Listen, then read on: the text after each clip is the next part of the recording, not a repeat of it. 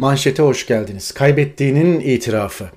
Siyasette fena halde %50 artı bir tartışması var. Buna bakacağız. Bu yöndeki tartışmalarla ilgili konuşacağız bugünkü yayında. Bir de elbette pahalılık ve pahalılığın artık raflara, ilanlara, anonslara ve elbette faturaya yansımaları var. Buna bakacağız. Ondan önce Avrupa'nın göbeğinde yaşanan mülteci sıkıntısına dikkat çekmek istiyorum ve elbette Avrupalı devletlerin de bu konudaki sorumluluğun altını çizerek. Çünkü siz herhangi bir Orta Doğu ülkesi veya Afrika ülkesi veya Asya ülkesinin iç işlerine karışırsanız benzer bir durum Güney Amerika ülkeleri için de geçerli. Bizim coğrafyaya uzak olduğu için çok yakinen takip edemiyoruz. Arjantin'de, Şili'de, Kolombiya'da, Paraguay'da ne oluyor, ne bitiyor gerçekten. Orta Amerika ülkelerinde. Çünkü orada da benzer bir dert var. Yani güneyden kuzeye doğru bir göç dalgası. Şimdi bu ülkelerin siz iç işlerine karışırsanız, bu ülkelerin e, içine çomağınız, e, çomak sokar, e, sürekli böyle bir mikser vazifesi görürseniz, işte efendim bir takım ım, yeraltı kaynaklarıyla, bir takım e, para kazanma veya insan emeğini sö- sömürme, akla gelebilecek her şey veya bir takım tehditleri veya bir takım riskleri bertaraf etmek için onları yem olarak kullanırsanız ya da işte onlar birbirine girsinler benden silah alsınlar. Silah satmak için kullanırsanız, uyuşturucu satmak için kullanırsanız, her ne halise yani ekonomik ve siyasi çıkarlar için kullanırsanız oradaki sorunlar bir gün gelir sizi bulur. Şu anda Avrupa'da olan bu. Yani bir Hollandalı, bir Belçikalı, bir İngiliz, bir İsveçli, bir Fransız, bir İtalyan ya arkadaş işte biz burada iyiydik, herkes çalışıyor, vergisini ödüyor, düzgün insan gibi yaşıyoruz, okulumuza gidiyoruz, e, semt bakkalından alışverişimizi yapıyoruz. Bunlar da nereden çıktı? Herkes gitsin kendi ülkesinde başının çaresine baksın. Kendi yönetimlerinin, kendi devletlerinin o güne kadar aldığı tutum, tavır, izlediği politika konusunda fikir yürütmeden sadece günlük olarak hadiselere bakanlar böyle düşünebilirler. Ama ben Avrupalı e, okuyan yazan kitlenin ki büyük bir bölümü böyle çok da böyle düşünmediğini biliyorum. Yani e, bir gün yediğin hurmalar sonra gelir seni tırmalar. Durum bu. Siz Suriye'yi karıştırırsanız, siz Irak'ı karıştırırsanız, siz Afganistan'ı karıştırırsanız, demokrasi götürüyorum diye ki kim kargalar bile güler, e, ekonomik ve siyasi nedenlerle, ekonomik veya siyasi çıkarlar uğruna veya o bölge ülkelerinden birini tutmak. Mesela Suudi Arabistan'ın yanında yer alıp da onun hasımlarını işte dövmek falan üzerine politika geliştirirseniz neyse. Sonuçta bunlar olur. Onlar sizin ülkenize doğru orada çaresiz kalan yığınlar, çaresiz kalan halklar sizin ülke, ülkelerinize doğru göç etmeye başlarlar. Bir bu. İkinci bir konu da şu. Şimdi yani iyi güzel söylüyorsun da e, peki neden e, işte bu mülteci meselesi var ve neden bu mülteci meselesi toplumları bölüyor? Şimdi burada da e, iki şey birbirine karıştırıyor karıştırılıyor. Elbette evet batılı toplumlar kendine göre bir medenidir. Kendilerine göre Suriyelilerle, Iraklılarla, Afganlarla, Sudanlarla bir problemleri yok. Fakat 50 kişi, 100 kişi gelse 500 kişi gelse çok rahatlıkla bunu içlerinde eritebilirler ve onlar topluma entegre olabilirler. Fakat milyon milyon geldiğinde ya da böyle bir potansiyeli barındırdığında her yer itiraz eder. Bunun batılı toplumu, batılı olmayan toplumu, eğitimli eğitimsiz toplumu yok. Ve orada ırkçılık başlar. İyi toplumları kötü toplumlardan ayıran şey de yöneticilerinin böyle noktalarda, böyle durumlarda basiretli davranmasıyla anlaşılır mültecileri linç eden, mültecileri kovan toplumlar kötü toplum değildir. E, toplumların genel karakteristiği böyledir. 500 kişi geldiğinde problem yoktur. Ama 500 bin kişi geldiğinde orada ırkçılık başlar. Problem çıkar. Kimse onlardan alışveriş yapmak istemez. Mahallesinde barındırmak istemez. Çünkü bilir ki yarın öbür gün hayatın pek çok alanında hakim olacaklar. E, e, doku değişecek. Ne bileyim kendi çocuklarıyla e, evlenecekler. Başka türlü hayatlar ortaya çıkacak falan insanlar bunun değişmesini arzu etmezler. Dünyanın her yerinde böyledir. Ondan dolayıdır ki yöneticiler basiretli tutum takınmazlarsa, basiretli bir tavır almazlarsa ırkçılık başlar, şiddet başlar. Dolayısıyla iyi toplumları kötü toplumlardan ayıran şey yöneticilerinin basiretidir. göçmen problemine karşı devleti yöneten insanların, politikaları yöneten insanların geliştireceği politikalardır. Çözüm önerileridir. Sorunla baş etme biçimidir. Bunu siz halka bıraktığınızda Türkiye'de olduğu gibi halkla Suriyelileri, halkla Afganistanlıları, halkla Iraklı, Iraklıları karşı karşıya getirdiğinizde şiddetin çıkması doğaldır. İşte Ümit Özdağ gibi basit, ucuz, faşist politikacılar bunu yapıyorlar. Halkla Afgan'ı, Iraklıyı, Suriyeliyi karşı karşıya getiriyor. Halbuki basiretli politikacı bu işi çözmeli. İşte Bolu Belediye Başkanı da aynı şeyi yapıyor. Durum bu. Şimdi bu fotoğraf e, Belarus e, Polonya sınırından görüyorsunuz. Çoluk, çocuk ve çoğu Orta Doğu kökenli göçmenler orada tutuluyorlar. Bir başka enteresan şey getireceğim size. Evet, Belarus yani Beyaz Rusya Polonya sınırındaki göçmen krizi çokça nazara veriliyor ama aylardır Fransa ile İngiltere arasında İngiliz kanalında Türkçe'de Manş Tüneli deniliyor. Şey Manş geçidi deniliyor. Manş Boğazı deniliyor neyse. İngiliz kanalında, İngiliz Channel diye geçer burada. burada. İngiliz kanalındaki insan pazarı aylardır gündemde ve orada e, bakın e, bugünkü Daily Mail gazetesinden kestim.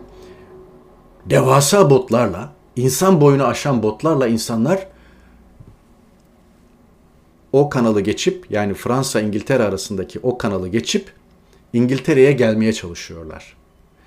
E, yılbaşından bu yana 23 bin mülteci geçmiş. Fransa tarafından İngiltere tarafına. Yılbaşından bu yana 23 bin mülteci geçmiş.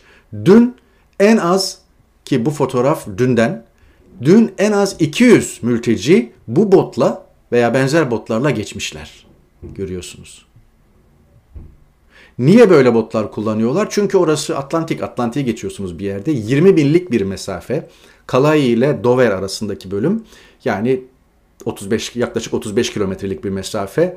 Son derece çetin bir boğaz, deniz neyse son derece sağlam botlarla geçmeniz lazım. Elbette alabora olan botlar oluyor, sulara kapılan botlar oluyor. Bunlar daha dün tespit edilen kareler.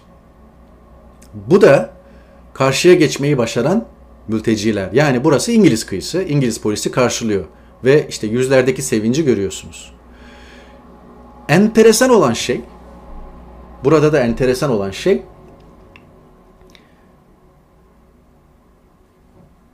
Fransa'ya kadar gelmiş mültecilerin, bakın şimdi Belarus'ta Polonya'ya geçmeye çalışıyorlar, Polonya'dan da Almanya'ya geçmeye çalışıyorlar. Fransa'ya kadar gelmiş olan mültecilerin Fransa'yı da basıp geçip İngiltere'ye adım atma çabası. İngiltere'ye ulaşma çabası. Yani bütün Avrupa'yı geçiyor. Avrupa'da istediği ülkeye gidebilir. En son Fransa'ya gelmiş ve Fransa'da da Fransa'da da hayır diyor burada olmayacak ben İngiltere'ye gideyim. İngiltere'den sonra gidecek başka bir yer yok zaten. Koskoca Atlantik var yani. Atlantik'i de botla geçip Amerika'ya falan geçemez yani. Yani buraya gelen mülteciler İspanya'yı, Portekiz'i, Fransa'yı, Hollanda'yı, Belçika'yı, Almanya'yı, Polonya'yı, İtalya'yı, Macaristan'ı, Avusturya'yı bu ülkeleri beğenmiyor. Ve işte İngiliz kanalı geçip İngiliz kanalını geçip İngiltere'ye adım atmaya çalışıyor. Böyle bir tarafı var. Bu da gene bugünkü e, Metro gazetesinden e, e, Fransızlara rağmen mi bu oluyor? Hayır. Fransızlar mültecileri İngiltere'ye doğru itiyorlar. Tıpkı Belarus'un Polonya'ya doğru mültecileri ittiği gibi Fransa Dunkirk'teki mülteci kampını yıkmış, dağıtmış ve mültecileri de oradan tahliye etmiş. Peki tahliye olan sadece bu bir mülteci kampından bahsediyor haber. 1500 mültecinin olduğu bir kamp. Peki o tahliye olan kamptaki 1500 mülteci nereye gitti? Doğru kanala doğru yürüdüler bir bot bulup İngiltere'ye geçmeye çalışacaklar. Fransa'da bize hayat hakkı bitti diye düşünüyorlar. Detaylı gibi gelebilir ama dünyanın başındaki büyük problemdir bu. Evet büyük devletlerde dün ektikleri tohumları bugün biçiyorlar. İşin böyle bir yanı da var. Günlük olarak da veya bundan sonrasına dair baktığınızda da çok çok büyük bir problem. Türkiye'nin, Avrupa ülkelerinin başındaki problem. Evet ne olduysa oldu. Bir biçimde o ülkeler karıştırıldı. Bir biçimde o, o e, orada mülteciler oluşturuldu vesaire neyse. Yani hiç kim hiçbir insan, hiç kimse bile isteye kendi ülkesini terk etmez. Ne işi var yaban ellerde, dilini bilmediği, kültürünü bilmediği ülkelerde? Ne yiyip içeceği belli olmayan, çocuklarının yani emin değil hiçbir şeyden. Muazzam bir belirsizliğe adım atıyor. Artı ölüm riski var. Boğulabilir, ne bileyim bir hastalığa yakalanabilir, ölebilir, ne bileyim gıdasızlıktan çocukları zarar görebilir. Bir sürü şey olabilir. Bir maceradır bu ve hiç kimse ezbere kendi başına çıkmaz bu yolculuğa. Dolayısıyla iltica edenleri, mülteci olanları, göçenleri de o yönüyle anlamak icap eder. Fakat burada düşen, başta da söyledim, toplumlardan ziyade yöneticilere büyük bir görev düşüyor. Bir yönetici basireti gerekiyor. Kaybettiğinin itirafıyla devam edelim. Ee, ana konumuz 50 artı 1 meselesi. Sözcü gazetesi siyasetin 50 artı 1 tartışmasını özetlemiş. Bahçeli diyor ki bu sistemin meşruiyet temeli 50 artı 1'dir. Cemil Çiçek itirazlarım çok açık kim nasıl anlıyorsa anlasın diyor. Çamil Tayyar da bu Cumhurbaşkanımıza ve sisteme kurulan tuzaktı diyor. Böyle bir tweet atmış. Düzeltilebilirdi vakti geçti. Yeni tartışma seçimle ilişkilendirilir. Kazanmaya odaklanmalıyız filan diyor. Sonra da 50 artı 1'i Soros ve ekibinin AK Parti içindeki uzantıları getirdi diyor. Ya birazdan bakacağız da yani gerçekten akla zarar bir durum. Eser Karakaş Bahçeli'nin saray ziyaretinin ki bugün sarayda 45 dakikalık bir görüşme gerçekleşti Erdoğan'la Bahçeli arasında. Bahçeli'nin saray ziyaretinin bence 50 artı 1 ile hiç ilişkisi yok demiş Eser Hoca. Bahçeli Erdoğan'a sen yine faiz enflasyonun nedenidir dedin. Söyle merkeze sakın faizi düşürmesin hatta bir puan artırsın. Kur artışı ve izleyen enflasyon bizi perişan ediyor demek için gitti. Ben böyle gördüm diyor. Cumhurbaşkanı Erdoğan ayaküstü sorulara cevap vermiş 50 artı 1 ile ilgili. Bu konularda özellikle anayasa değişikliği ile ilgili karar merci parlamentodur demiş. Ee, anayasa değişikliğinin parlamentoda nasıl geçeceği bellidir. Kolay değil şu aşamada ve sonrasında referandum söz konusu olabilir. Bütün bu ihtimalleri değerlendiririz. O arada Yeni Şafak'ta bir özel haber dikkat çekici. Erdoğan'ın MKYK görüşmesi sızmış efendim, sızdırılmış daha doğrusu. MKYK'daki konuşması partisinin e, Merkez Karar Yönetim Kurulu toplantısında Erdoğan demiş ki Temel Bey'in açıklamaları gerçeği yansıtmıyor. Biz görüşmede yalnızdık. Bir tek Temel Bey ve ben vardık. İadeyi ziyaret düşünüyordum. Bu sakıt oldu. Ancak konuşmada 50 artı 1 ile ilgili bölümün doğru olduğunu söylemiş. E, zaten e, Temel Karamoğlu ile görüşmenin özeti de oydu. Erdoğan'ın 50 artı 1'den rahatsızlığı. Fakat 50 artı 1'e dönüp bakalım. Yani başka hiçbir şey demeyeceğim. Sadece iki örnek getireceğim. Birinci örnek bu anayasanın, mevcut anayasanın mimarı e, geçen yıl bu vakitlerde koronadan hayatını kaybetti. Profesör Doktor Burhan Kuzu. Ben bu sisteme ömrümü, ver, ömrümü verdim demiş. Ne zaman attığı tweet 6 Mayıs 2020. Ben bu sisteme ömrümü verdim. 40 yıllık emeğimi hayata geçirdim ve Türkiye'nin geleceğine en önemli katkıyı sundum. 50 artı 1 bu sistemin omurgasıdır. Bundan dönüş sisteme ağır darbe olur. Sanırım muhalefet 50'yi, %50'yi bulamayacağını düşünerek suni gündem oluşturuyor demiş. Peki bir başka isim. Recep Tayyip Erdoğan. 4 Ekim 2019'da yani bundan tam iki sene önce Kızılcahamam'daki kampta ne demiş? 40 saniyelik bir video. Birlikte bakalım. %50 seçilme yeterliliği yeni sistemin adeta omurgasıdır. Bu tartışmayı bir daha açılmamak üzere kapatıyoruz. Cumhurbaşkanının seçilme oranının yüzde elliden yüzde kırka düşürülmesiyle ilgili ne düşüncemiz, ne niyetimiz, ne planımız, ne de çabamız söz konusudur. Yüzde elli sınırının konması rastgele bir tercih değil, gayet bilinçli ve vazgeçilmez bir kriterdir. Söyleyecek hiçbir şey yok. Kafayı yemiş bunlar. Ee, dün her şeyi bilinçli bilerek isteyerek yaptık. Kimse de diyor bunun aksini düşünmesin. Sistemin omurgasıdır falan. Bugün böyle ee, geçeceksiniz. Zaten en güzelini de şey söylemiş. E, Meral Akşener. Diyor ki bizim artık siyaseten var olmayan bir adamın fikir gündemleriyle kaybedecek zamanımız yok. Yok sayacaksınız Erdoğan'ı. Hoş Akşener tezkere konusunda ne düşünüyor? Bir kere daha sormak lazım. Tezkereye evet dedi. Yani bizim artık siyaseten var olmayan bir adamın fikir fiktif gündemleriyle kaybedecek zamanımız yok diyen siyasetçi birkaç hafta evvel o siyaseten var olmayan adamın fiktif gündemine evet dedi. Ve iki yıllık savaş tezkeresi verdi. Ve yarın bu sebeple seçim ertelenirse, savaş gerekçesiyle ertelenirse bakalım ne diyecek? Meral Akşener döndündür, bugün bugündür, o geçti. Bugün olsaydı e, hayır mı derdik diyecek tezkereye bilmiyorum. Siyaset işte. Onun için çok fazla bir şey söylemeye gerek yok. Ee, sadece şu son e, tahlilde şunu söyleyeyim. E, seçim Erdoğan ve AKP için çok büyük bir kabus. E, 18 ay sonra yani normal vaktinde Haziran 2023'te gidilirse Erdoğan aday olamıyor. Dolayısıyla erken bir seçim olması lazım e, ve Türkiye Büyük Millet Meclisi'nin karar alması gerekiyor. Adayımız Erdoğan diyen tek parti Milliyetçi Hareket Partisi. AKP bile daha henüz adayımız Erdoğan demiş değil. Bunlar bildiklerimiz. Bilmediğimiz ise şu. Devlet Erdoğan rejimini değiştirmek istiyor mu? Yani anayasada şurada burada ne yazarsa yazsın. Önemli değil. Anayasa uygulanıyor mu? Merak ettiğimiz ve bilmem, bilmemiz gereken şey şu ve bilmiyoruz. Devlet Erdoğan rejimini, Erdoğan'ın götürdüğü politikaları, Erdoğan'ı değiştirmek istiyor mu? Ya da Erdoğan'ı bir Hulusi ile, bir Süleyman'la, bir Hakan'la mı devam ettirmeyi düşünüyor? Veya başka bir aktörle mi devam ettirmeyi, Fuat Oktay'la mı devam ettirmeyi düşünüyor Erdoğan dönemini? Bunu bilmiyoruz. Yerine onun gibi birini mi koyacak? Biraz evvel örnekleri saydım. Yoksa muhalefete alan mı açacak? Yani diyecek ki bizim devlet olarak kırmızı çizgilerimiz bu. Ey Kemal Kılıçdaroğlu ve Meral Akşener buna dikkat ettiğiniz sürece size bir e, alan açabiliriz mi diyecek. Muhalefet bunun farkında mı? Ne bunun cevabını ne Erdoğan ne de muhalefetin bildiği kanaatinde değilim. Sadece ihtimalleri satın alıyorlar. Şu anda Türkiye siyaseti sadece ihtimalleri satın alıyor. Satın alma demişken ekonomiyle bitirelim. Herkes dolar fiyatına bakıyor ama ben özellikle e, İngiliz sterlininin e, karşısında Türk lirasının nasıl eridiğine baktım. 14 lirayı geçmiş durumda e, bugün itibariyle. İngiliz sterlini bundan 5 sene önce 14 Ekim 2016'da 3.76 idi. 3.76'dan 14.06'ya çıktı. Market raflarındaki e, bir takım uyarılar insanların dikkatini çekmiş. Market alışverişlerine kota gelmiş. İşte bugün yağ çeşitleri bir adet olarak satılmaktadır. Yağ çeşitlerimizde satışlarımız iki taneyle sınırlıdır gibi. Bir başkası gene yağ çeşitleri. Şekerde de varmış bu.